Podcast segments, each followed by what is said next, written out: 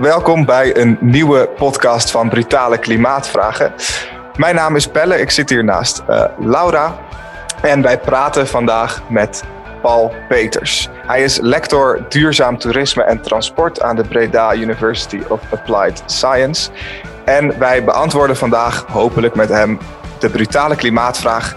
We willen met z'n allen weer op vakantie, maar kan dat ook duurzaam? Paul, welkom. Uh, het vakgebied uh, duurzaam toerisme en transport. Ik kan me voorstellen dat dat een, een vrij jong vakgebied is. Um, en we waren benieuwd, wat gaat daar nou om in dat vakgebied? Wat zijn nieuwe ontwikkelingen uh, op wetenschappelijk gebied, in de media? En, en waar gaat dat, waar gaat dat vakgebied duurzaam toerisme en transport nou eigenlijk over? Ja, nou, je hebt helemaal gelijk dat het een, een nieuw vakgebied is. Toen ik in 2002 begon met deze uh, job, um, waren het gewoon gescheiden werelden. En uh, je had de, de, vervoerswereld die heel technisch is, uh, over het algemeen van aard, uh, waar, waar, waar logistieke problemen worden opgelost met prachtige algoritmes, dat soort zaken. En daarnaast heb je dan de toeristische sector die daar ook wel iets mee te maken heeft. En tour operators natuurlijk ook organiseren van dat de mensen op het juiste moment op de juiste plek zijn. Maar het is ook heel veel, gaat het over beleving, over psychologische uh, aspecten van uh, hoe krijg je mensen zover dat ze die dienst van je afnemen. Um, dus daar speelt een, een, heel ander soort mensenwerk daar ook. Dat, dat zijn ja, ik bedoel, waar in transport je nogal veel beta-opgeleide mensen tegenkomt, is dat bij toerisme zeer veel minder. En die twee sectoren uh, verstaan elkaar ook niet goed daardoor. Nee. Ja, ik kan me voorstellen dat dat misschien ook inderdaad in de. in het transport dat het vooral gaat over hoe, kunnen we, hoe krijgen we zoveel mogelijk vrachtwagens op de weg, hoe krijgen we zoveel mogelijk goederen van A naar B. En in, in, dat het in toerisme eigenlijk vooral draait om hoe, hoe, hebben, hoe geven we mensen zo'n leuk mogelijke tijd maar inderdaad, dat die combinatie ervan, die kan ik me voorstellen dat dat, dat, dat, dat, dat moeilijk is. Ja, en, en wat, eh, nou ja, de ontwikkeling is dat, en daar heb ik aan kunnen bijdragen, om die twee bij elkaar te brengen. En het is nog steeds moeilijk, want eh, nog steeds zijn er heel veel toerisme mensen die eh, een, een bestemming ontwikkelen en dan uh, zeggen van, nou ja, er is een luchthaven, dus het komt wel goed met vervoer. Terwijl ik dan denk van, mijn god, er is zoveel meer over te zeggen. En waar haal je je markt vandaan? Heb je die luchthaven überhaupt wel nodig? misschien komen ze wel met de fiets als je een andere markt zou aanboren. Denk daar eens over na. Ja. Dat gebeurt dus niet. Nou ja, en uh, dat is wel een beetje aan het veranderen, maar het blijft nog steeds heel moeilijk. Uh, nou ja, dat is de ene kant van de zaak. De andere kant is uh, dat uh, als je kijkt naar de milieuproblemen die, uh, en met name het klimaatprobleem natuurlijk, uh, wat heel prominent is voor toerisme. Dat, dat was een van de eerste studies waarin we die twee vakgebieden hebben gecombineerd en hebben laten zien van, als je nou naar de externe kosten, dus de milieukosten kijkt van toerisme, dan is dat voor veruit 50% is dat klimaatverandering. En dan komt er nog 20 andere milieuproblemen die ook allemaal een rolletje spelen.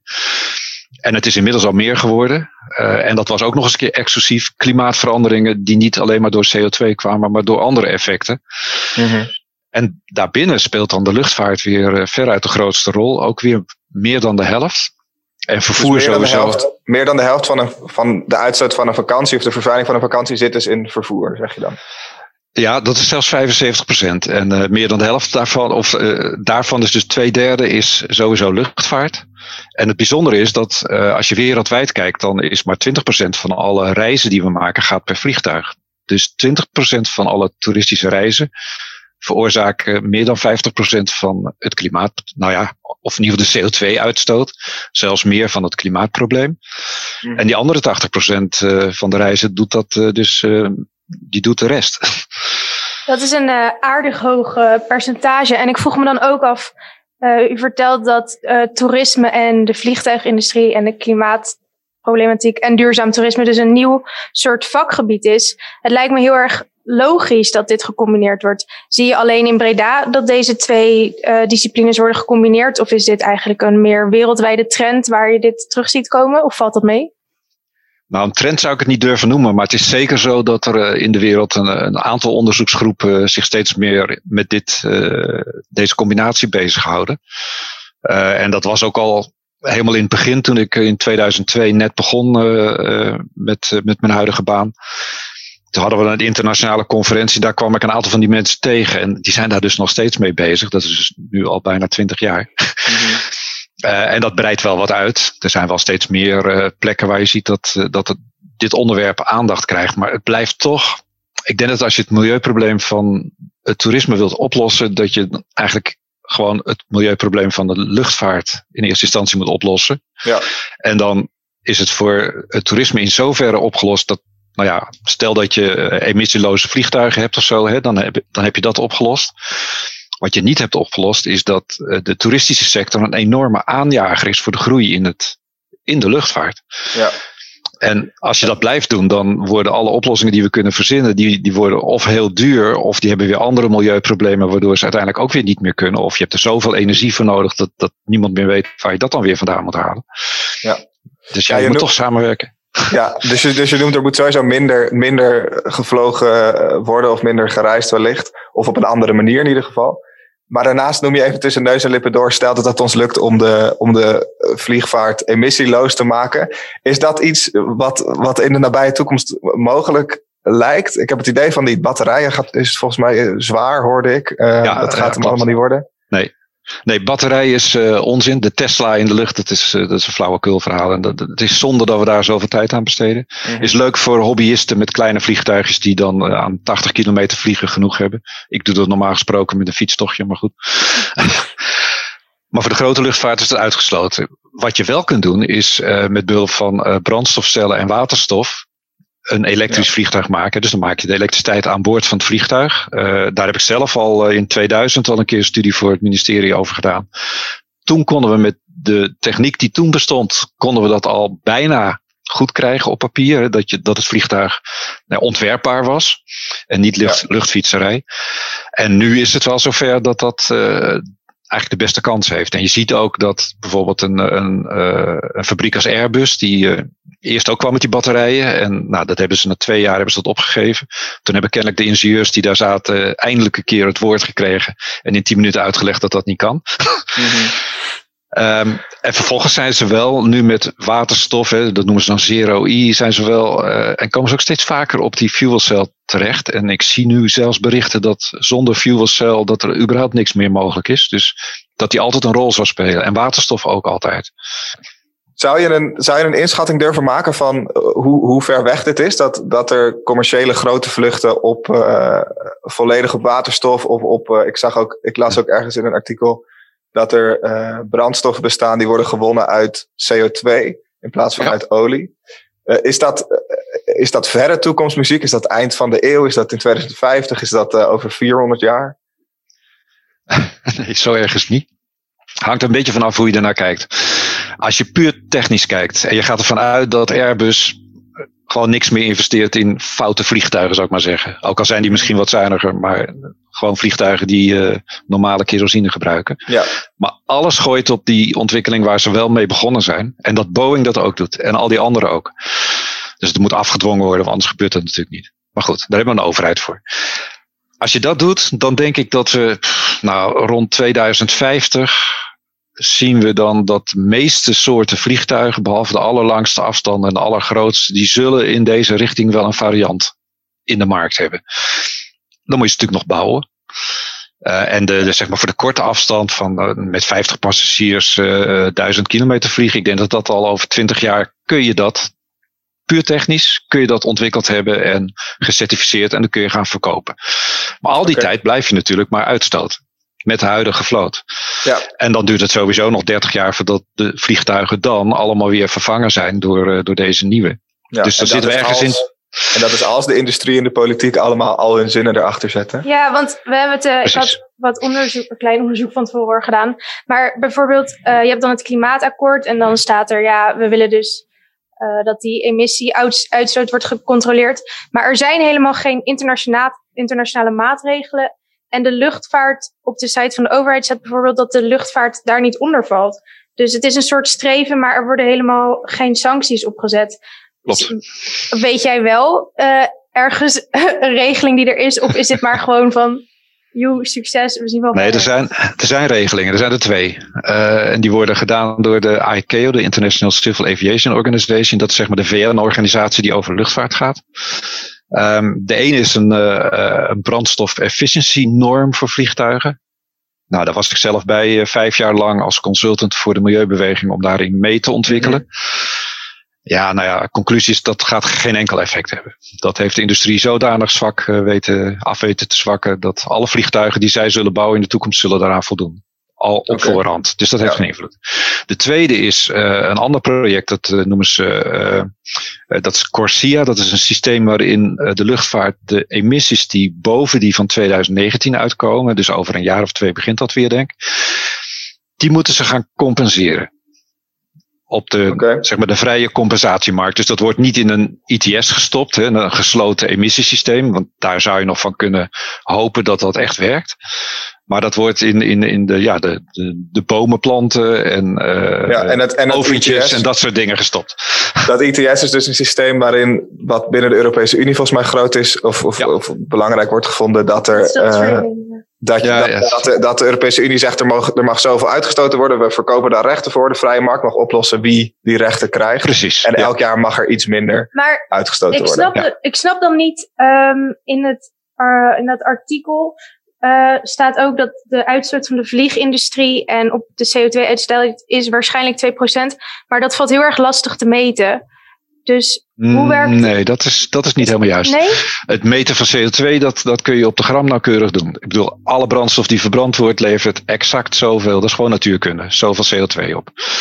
En de kunst is natuurlijk om die cijfers over die brandstof te krijgen van die luchtvaartmaatschappij. Maar daar is nu een heel systeem voor opgezet vanwege dat Corsia. Want dan moet je dat ook doen. Want je moet natuurlijk wel weten hoeveel je dan moet compenseren.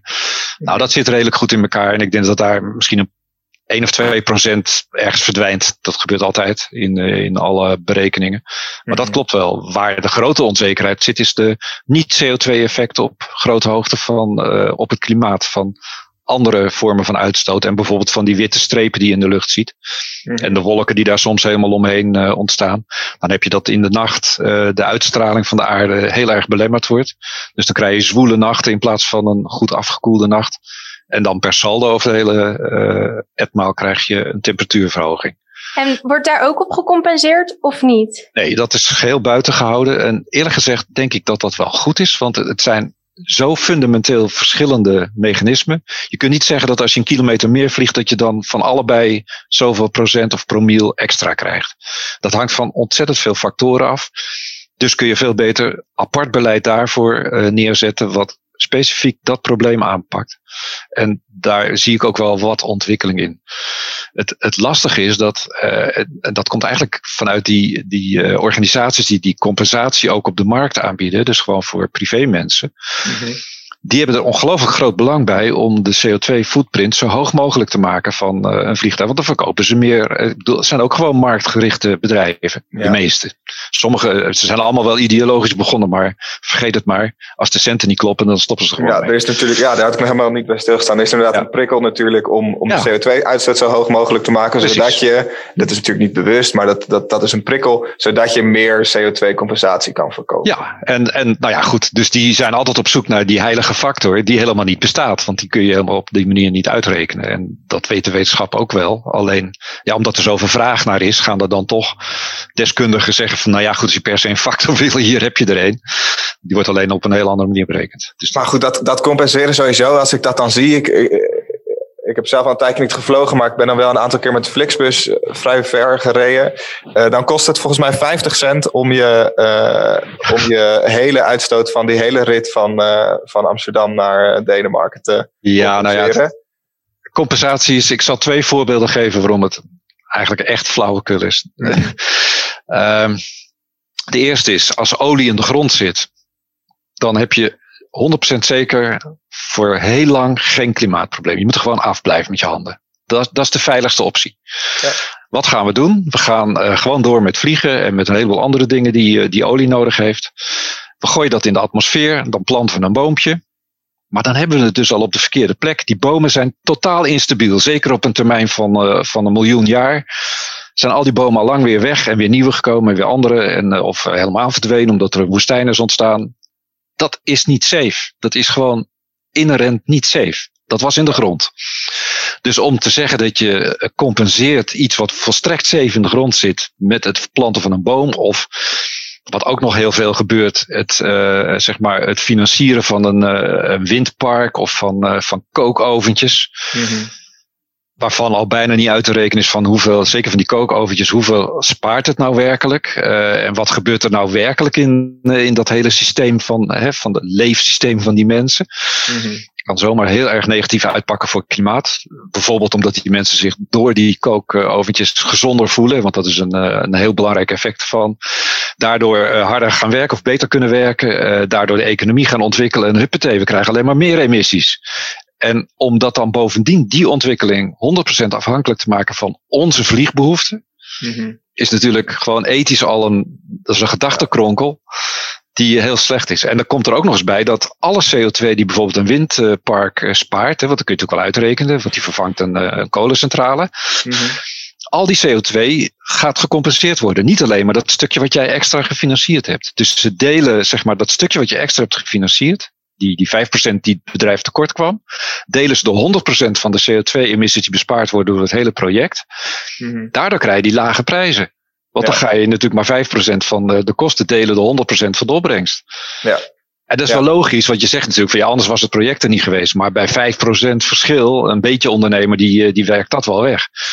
Maar het betekent. natuurlijk, 50 cent meer naar, 50 cent meer naar een bos is natuurlijk beter dan 0 cent naar een bos. Maar het is. Uh, nee, maar dat is zo marginaal. En een, een beetje fatsoenlijke bosbeheerder had dat ook wel op een andere manier opgelost. Ja. Dus dan krijg je de slechtste soort uh, compensatie. Die wordt het goedkoopst, wordt dus het meest verkocht. Dat is ook precies wat je ziet. Dus degene die waarvan helemaal niet aan te tonen is dat het überhaupt werkt, dat het additioneel is, met een hele kleine marge in de, in de, de tekort aan uh, kosten, die worden het goedkoopst en die worden het meest verkocht. In plaats van degene waarvan evident is dat het uh, alleen maar werkt als je daar geld bij doet. Ja. Dus het is, het is echt voorkomen zinloos. En om je het voorbeeld te geven van uh, hoe zinloos het is als je het in termen van bomen doet, moet je twee schermen voorstellen. Een splitscreen video. En ik hoop dat iemand hem ooit een keer gaat maken. Ja. Links zie je vliegtuigen starten vanaf Schiphol. Hè, dus eerst een 747. Rechts zie je daar een, uh, een twee eeuwen oude eik zie je omgaan. Want dat is de hoeveelheid energie die je nodig hebt die meegaat in die Boeing. Dat is ongeveer Zo'n brede, grote, dikke eik van twee eeuwen ja, oud. die is weg. Maar goed, dan zoomen we uit. We dus in dat, duizenden, duizenden vliegbewegingen. Nou ja, na een dag heb je dus al een aardig gat in dat bos. En dan kun je uitzoomen, want dan zie je daar uh, dat gat ontstaan van een paar hectare. Na een jaar heb je het hele low heb je weg. En na tien jaar heb je de complete Veluwe op. Zo. Als je dit ja. filmpje laat draaien. En ik zou dat filmpje heel graag willen zien. Eerst langzaam ingezoomd en dan uitzoomen steeds sneller. En dan uiteindelijk zie je de hele Veluwe is plat. En dat is voor, Nederlandse, alle... dat is voor Nederlandse luchtvaart alleen? Puur alleen van Schiphol. Bizar. Maar wat, mij, wat ik me dan afvraag, hè, dus uh, duurzaam toerisme, duurzaam vliegen, dat bestaat eigenlijk helemaal niet.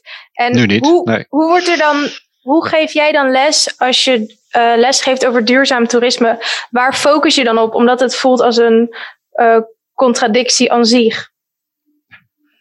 Nou, het is zeker voor de studenten die wij hebben, die natuurlijk allemaal in toerisme willen gaan werken, is het, en die ook allemaal helemaal gek zijn van reizen. En reizen ook invullen van reizen is met drie streepjes uh, vliegen. Ja. En is de hele wereld overgaan, is naar Australië gaan en niet naar de Ardennen, want daar zijn ze mm. meestal nooit geweest. Ja, daar is dat wel een, een harde dobber. Um, en je merkt het als ik het gewoon vertel, dat er eerder weerstand ontstaat dan dat ze denken van, ja, misschien moeten we ook wel eens iets veranderen in ons gedrag. Of moeten we eens op zoek naar belevingen die, uh, die met minder CO2 ook uh, die even goed zijn. Ja. Dus dat, dat probeer ik ze dan wel duidelijk te maken. En ik moet zeggen, de laatste jaren gaat dat wel beter. Je merkt dat ook studenten uh, die bij ons komen, dat die toch wel meekrijgen dat er een, een probleem is met het klimaat. Ja.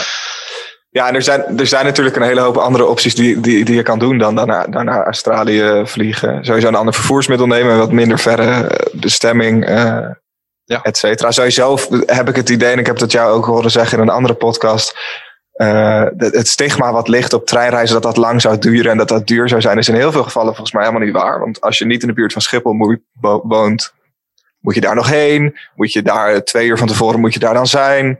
Uh, moet je weer borden uit en uh, langs de, hoe heet het, de, de, douane en zo. Ja. Um, maar los van dat alles, mocht je toch als, als, als jongere, je hebt, je, hebt, je hebt nu een jaar binnen gezeten, je wil toch echt heel graag op vliegvakantie.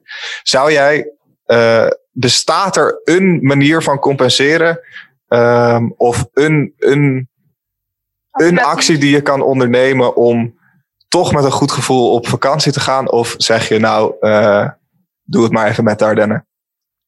Nou ja, het is best heel, uh, heel lastig. Um, eigenlijk is de, de enige compensatie, uh, ik bedoel, als je echt geen enkele andere optie meer ziet, je mm -hmm. moet en je zal, uh, nou, misschien heb je al een tand in Australië en heeft weinig ja. zin om naar Tesla te gaan natuurlijk. Ja. Dan zou ik zeggen, blijf weg van al die compensatieaanbieders. De enige die zou kunnen werken is de Carbon Killer. En, maar dat is een ander systeem, want die kopen zeg maar, die, die verlagen in feite het plafond in het Europese emissiehandelssysteem. Okay, en dat dus betekent dat er daadwerkelijk CO2-rechten gewoon verdwijnen. Want die worden gekocht door hen en vervolgens vernietigd. Precies. Oh, dat is wel een goeie. Dat is een mooi, mooi initiatief. En dat is eigenlijk maar, het enige wat ik je zou willen aanraden. En wat ik ja. altijd aanraad als iemand dan zo'n reis gaat maken. Want het is natuurlijk voorkomen logisch dat je niet in één keer je hele gedrag omgooit voor een van de vele dingen die je erover kan zeggen. Mm -hmm. um, dat je dan, als je dan toch tien uur in dat vliegtuig zit naar Thailand. Nou ja, dan heb je alle tijd om eens een keer hè, met je laptopje, uh, even snel, voor zover die ertussen krijgt trouwens, maar goed. uh, om eens even snel op een rijtje te zetten. Wat heb ik nou de afgelopen drie jaar allemaal gereisd? En dan zou ik even de crisis buiten beschouwing laten. Ja. Uh, nou, stel dat je op twintig reizen uitkomt, vliegreizen. en, of eigenlijk is het beter om te kijken hoeveel uur heb ik in een vliegtuig gezeten. Letterlijk erin, hè, niet alles eromheen, maar alleen maar erin. Want dat is een goede proxy voor hoeveel CO2 dat heeft opgeleverd. Nou, kom je op 30 uur. En ga dan eens denken van, uh, wat heb ik voor plannen voor het komende jaar? En hoeveel uur kan ik daar nou eigenlijk van afhalen zonder dat mijn plannen nou daadwerkelijk anders worden? En stel dat je daar gewoon als, voor jezelf als doelstelling hebt, ik wil van die 30 uur, wil ik er 10% af hebben. 27 uur kun je nog steeds ontzettend veel vliegen. De meeste mensen doen dat nooit. En is het toch 10% minder. Ja. En als je dat 10 jaar volhoudt, dan heb je er meer dan de helft af. En dan zitten we helemaal op lijn met, uh, met Parijs. Zo moet je het aanpakken, denk ik. Ja. Gewoon die reflectie bij jezelf. Oké. Okay. En daar is onderzoek gedaan uh, daarnaar, trouwens, door uh, een goede collega van me uit Duitsland, uh, Stefan Gusling. die heeft diverse onderzoeken gedaan en gewoon gevraagd van welke reizen, van ook van mensen die heel echt frequent flyers waren, die ook zo'n abonnement hadden, weet je wel, dat het ook helemaal niks mm -hmm. meer kost. Hoeveel van jouw reizen waren nou noodzakelijk? En die, die komen zelf dus, want ze wisten niet dat het hem om dit hele uh, politieke gegeven ging, maar gewoon als een van de vragen. Mm -hmm. En dan kwam je ongeveer op de helft uit. Dus dat daar niet wat af te krijgen is, dat is echt, dat, dat is niet juist. En uh, in lijn daarmee, ik weet niet of jij er getallen over hebt, maar ik ben, ik ben nieuwsgierig, is het, hoeveel procent van wat wij vliegen is zakelijk en hoeveel procent is vakantie? Uh, het meeste is vakantie. Uh, en dan heb je nog een flink stuk uh, wereldwijd is, zeg maar. Maar dan heb ik het over alle toerisme. Maar ik denk dat voor de luchtvaart die verhoudingen hetzelfde zijn. Uh, is ongeveer de helft is, is vakantie. Dus leisure noemen ze dat dan, vrije tijd. Mm -hmm. een kwart is ongeveer het bezoeken van familie en kennis. En een kwart is zakelijk. en mijn indruk is dat het zakelijk sinds de crisis in 2008 achter is gebleven in de ontwikkeling. En vakantie juist harder is gegaan. Okay. Dus ik neem aan dat het aandeel zelfs groter is.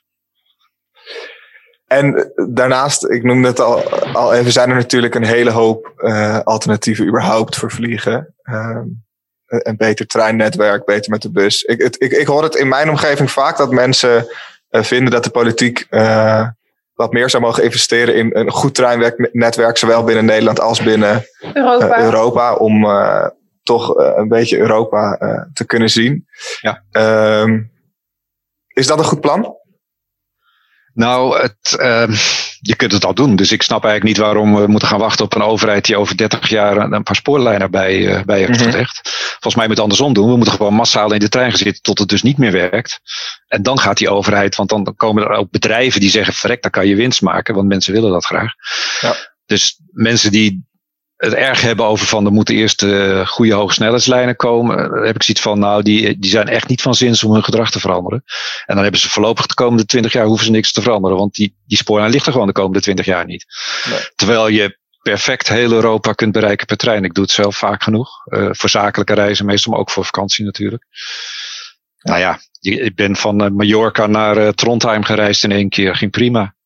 En hoe lang duurde dat?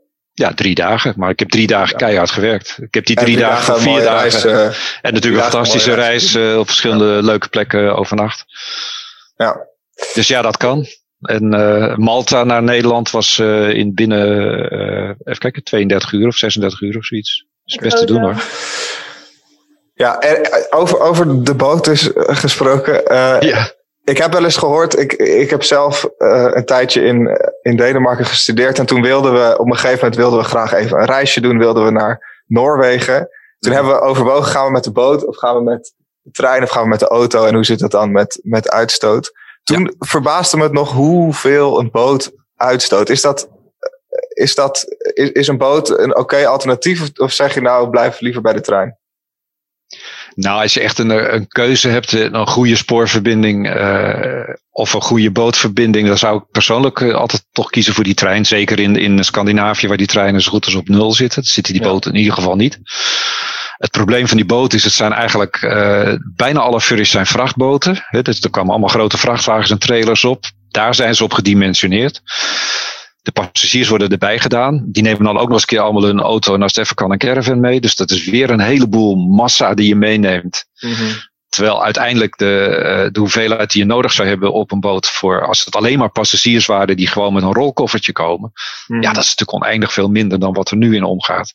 En ja. dan is nu zelfs een boot uh, met auto, ja, dan vergelijken we dat uh, in emissies met zeg maar een stel wat met z'n tweeën met de auto zou rijden. Is dan okay. een beetje vergelijkbaar met wat je met die boot zou uh, bereiken. Maar goed, als de missing link is ergens om een treinreis te kunnen maken, dat je ergens even een stukje boot nodig hebt. Ja, om dat nog ja, een klein beetje naar IJsland te of zo, dan. Uh... Ja, ja, dan moet je natuurlijk wel. Ja. Ja. Ja, en uh, nog een laatste vraag. We hebben natuurlijk laatst de uitspraak gehad van Shell, die best wel baanbrekend was op milieugebied. Dat eindelijk een keer een, uh, een groot bedrijf ter verantwoording is opgeroepen. Denk jij, of dit hopen wij in ieder geval, dat um, dit ervoor kan zorgen dat grote internationale bedrijven zoals KLM en Air France bijvoorbeeld ook ter verantwoordelijkheid uh, worden opgeroepen? Of zie jij dit meer als een uh, staatsprobleem, staatsoplossing die via overheden moet worden opgelost? Nou ja, de, de wetgeving komt natuurlijk sowieso via de overheid, althans dat mag je hopen. Uh, wat daar wel een ravelrandje aan is, is dat het natuurlijk ontzettend gelobbyd wordt bij de ontwikkeling van wetten. Dus ik vond ook de reactie van Shell van uh, ja, dat is uh, de overheid zijn taak hè, om dat te organiseren, niet aan ons. Maar ja, zij hebben de, de, de regelgeving voor een deel meegeschreven die uit Den Haag komt. Dus het is een beetje flauw om dat te zeggen. Want dan moet je daar ook gewoon helemaal niet meer mee bemoeien. En dan moet je het ook maar laten gebeuren. Mm-hmm. Maar dat doen ze niet. Uh, maar wat het interessant is, dat de, de rechter zegt van ja, maar los daarvan, uh, ook bedrijven hebben zich gewoon te houden aan de universele rechten van de mens. Daar kwam het eigenlijk op neer in basis. Ja.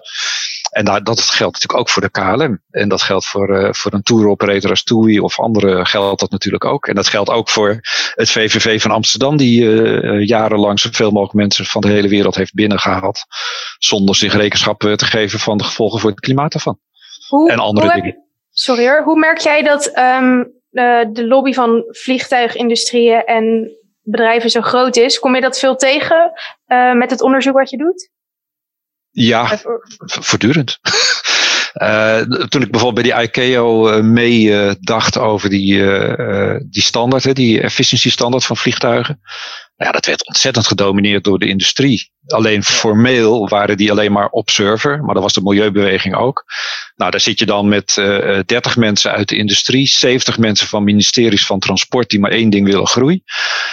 En drie mensen van de milieubeweging. Dat zijn de verhoudingen.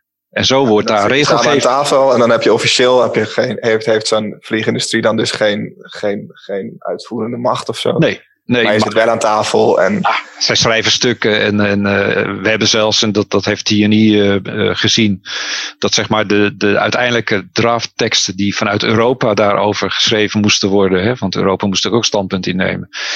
Er stonden gewoon de track changes van Airbus in. Ja, dat was niet de bedoeling dat ze dat zagen, maar dat hebben ze toevallig gezien. En dat werd natuurlijk wel een relletje. Ja. Dat gaat wel heel ver. Ja.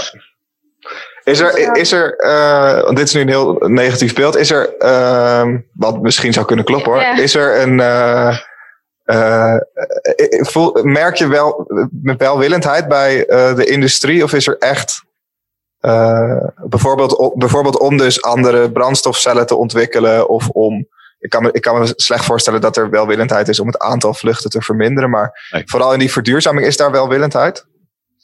Ja, nou met name, uh, die heb je ook even genoemd, hè, die alternatieve brandstoffen. Nou, als we even biobrandstoffen moeten we gewoon helemaal niet meer over discussiëren, zonde van de tijd. Brandstof uit afval, nou ja, er staan een paar fabriekjes, zou ik ook niet weggooien, maar is absoluut geen oplossing. Want we moeten juist van het afval af, anders dan halen we Parijs ook niet. Mhm. Maar die brandstoffen die je uit CO2 kunt maken, dat is sowieso wel een hele interessante ontwikkeling die, uh, die echt hout snijdt, technisch. Uh, het enige waar ik daar echt mij zorgen om gemaakt is dat het, het gaat heel veel uh, alternatieve energie kosten. Stel dat we hele grote delen, echt substantiële delen van woestijnen in de wereld vol gaan leggen met, met hoe heet het, zonnecellen. Mm -hmm. Dan gaat de albedo van de aarde gaat veranderen volgens mij. En niemand heeft tot nog toe die som gemaakt. En het lijkt me heel verstandig om dat toch eerst maar eens te doen. Want stel dat we dan eh, weliswaar geen opwarming krijgen door CO2, maar doordat er veel meer warmte wordt opgenomen door de aarde zelf, mm-hmm. dan is het effect hetzelfde, klimaatverandering. En dan, dan dus, als je echt, dus, als je, dus als je echt enorm veel zonnecellen neer zou leggen, dan zou je zeggen dat verandert überhaupt de eigenschappen van de aarde, waardoor er... Ja, de, de ruimtelijke eigenschappen vanaf afstand. Maar goed, even los daarvan. Die route, eh, het maakt ook vliegen vreselijk veel duurder met, met belastingen zul je nooit bereiken dat je een verdrievoudiging of tweevoudiging van de ticketprijs krijgt. Maar als je dit afdwingt en die mandaten die worden al voorgesteld, Nederland is er een, eh, een voorloper in, maar er zijn andere landen die het ook of al voorgesteld hebben of heel serieus overwegen om dat te gaan doen. En daar hoor ik eerlijk gezegd weinig weerstand tegen, omdat het namelijk, je hebt geen argument meer, want het lost wel het probleem op. Kijk, van een belasting kun je zeggen, ja, dat verdwijnt in de grote hoop of we willen het allemaal terugzien. En dan krijg je een hele politieke discussie, omdat het ook een indirect middel is. Maar als je een oplossing verzint die per ongeluk ook nog duurder is, dan snijdt het mes aan twee kanten. En dan heb je geen argument om te zeggen, ja, maar het is geen oplossing, want het wordt ergens anders voor gebruikt. Nee, die brandstof zijn wel een die verminderen echte CO2. Ja. Dus dat is een, eh, een route die we kunnen gaan. En de andere optimistische is toch wel dat uh, vanaf 2017 is die internationale trein enorm in de lift gegaan. En die kwam van niks. Dus uh, tien keer niks is nog steeds niet heel veel. Maar het is al heel veel meer ja. dan het in het begin was. Het is echt met 30, 40 procent toegenomen. Dat zien we ook in onze eigen statistieken terug. Uh, luchtvaart is op sommige plekken echt wel. bijvoorbeeld in Zweden is het gewoon achteruit gehold als enige land. Maar daar hadden ze natuurlijk een enorme vliegschaamte uh, bron, zeg maar, in huis. Dat heeft geholpen. En Zweden zijn daar gevoeliger voor dan Nederlanders. Want die, die, uh, maar die positieve kant van, hé, hey, we kunnen met de trein naar Berlijn. Hè, waar, waar een discussie over kwam. En opeens zat die hele trein vol. Alleen maar omdat we het erover hadden. En niet omdat mensen nou zo milieuvriendelijk waren opeens. Maar gewoon omdat ze ontdekten van, dat is ook iets wat je kan doen. En ze ontdekten kennelijk dat het leuk was. Want het jaar daarna waren het er nog meer. Ja. En de, de ontdekking van de, de, de interrailkaart, uh, de, de verhalen die daarover leest. Volgens mij moet je zeg maar die community die nu aan het ontstaan is. De, de mensen die zeggen van het kan me niet schelen, maar ik ga gewoon niet meer vliegen en ik verzin wat anders. Ja. En die ontdekken dat als je wat anders verzint, dat dat als je dat maar binnen een sociale kring doet, waarin niet iedereen zit te zeuren over zijn fantastische reis naar, uh, naar Bangkok of weet ik waar. Mm-hmm. Maar die ook aan jou vertelt van ja, ben je daar al geweest en heb je dat spoorlijntje gezien en weet je hoe je, hoe je leuk daar op je berg kan komen. Ja dan ben je hartstikke gelukkig. Echt niet minder gelukkig dan die andere mensen die daar koffie zitten te drinken op de airport van Bangkok. Ja. Nou, mooi. Ik zou zeggen een, eh, een lobby voor de, voor de treinen en een boycott van de vliegtuigen. Paul, um, ik denk dat we je willen bedanken voor dit ontzettende uh, informatieve gesprek. En ook hoe shocking het eigenlijk is dat um, de vliegtuigindustrie, ook al wisten we het al, gewoon zo schadelijk is. En dat er gewoon hopelijk een, eh, een grote verandering teweeg wordt gebracht. Maar ja, en een hoopvol verhaal over. Uh, het is inderdaad zo. Reizen, reizen per trein is prachtig. Uh, ik ben vorig jaar ben ik, uh, in Tsjechië geweest. Dat is relatief dichtbij vergeleken met veel andere locaties. En echt. Dat, sommige stukken dat dat Europa is, is, is, is bijna niet te geloven. Ehm, dus volgens mij een heel hoopvol verhaal. Zelfs bepaalde ontwikkelingen die ik niet kende in de, in de eh, in, in de vliegindustrie zelf voor die vluchten die we dan toch echt nog echt noodzakelijk moeten maken. Maar ik heb er wel vertrouwen in. Volgens mij, uh, volgens mij als we met z'n allen gewoon besluiten om inderdaad met de trein op, de, uh, op vakantie te gaan, misschien met de bus als er ergens echt geen spoor ligt, dan volgens mij hoeven we niks in te leveren en krijgen we er hele vette ervaringen voor terug. Ja, zeker. Ja, de afstand is key. Als we die afstanden gaan verminderen, dan worden dit soort dingen mogelijk. Ja. En dan, uh, en dan heb je een even fijne, fijne reis. Dat, dat, daar ben ik 100% zeker van. En familieverbanden en vriendenverbanden gaan ook dan geografisch kleiner worden. Dus ook dat, dat gaat vanzelf. Want daardoor is het ook zo groot geworden door dat vliegen. Nou, ik hoop dat we allemaal uh, een mooie zomer tegemoet gaan. Ik wens jou ook een uh, hele fijne, fijne zomer, Paul. Ik, uh, veel plezier in, in de trein, de bus en de boot. Ja, jullie ook. En ontzettend bedankt voor dit gesprek. Ook naar de luisteraars. Tot, tot de volgende aflevering. Doei doei!